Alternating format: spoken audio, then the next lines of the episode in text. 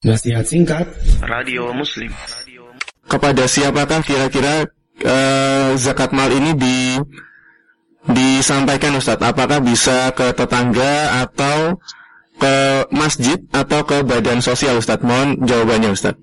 Baik, uh, untuk zakat mal bisa kita lihat dalam penjelasan terkait dengan zakat mal untuk siapa, maka zakat mal diperuntukkan kepada al-fuqara. Jadi kepada orang-orang miskin. Itu yang harus kita perhatikan di situ. Jadi zakat mal diperuntukkan untuk orang-orang miskin, orang yang tidak mampu.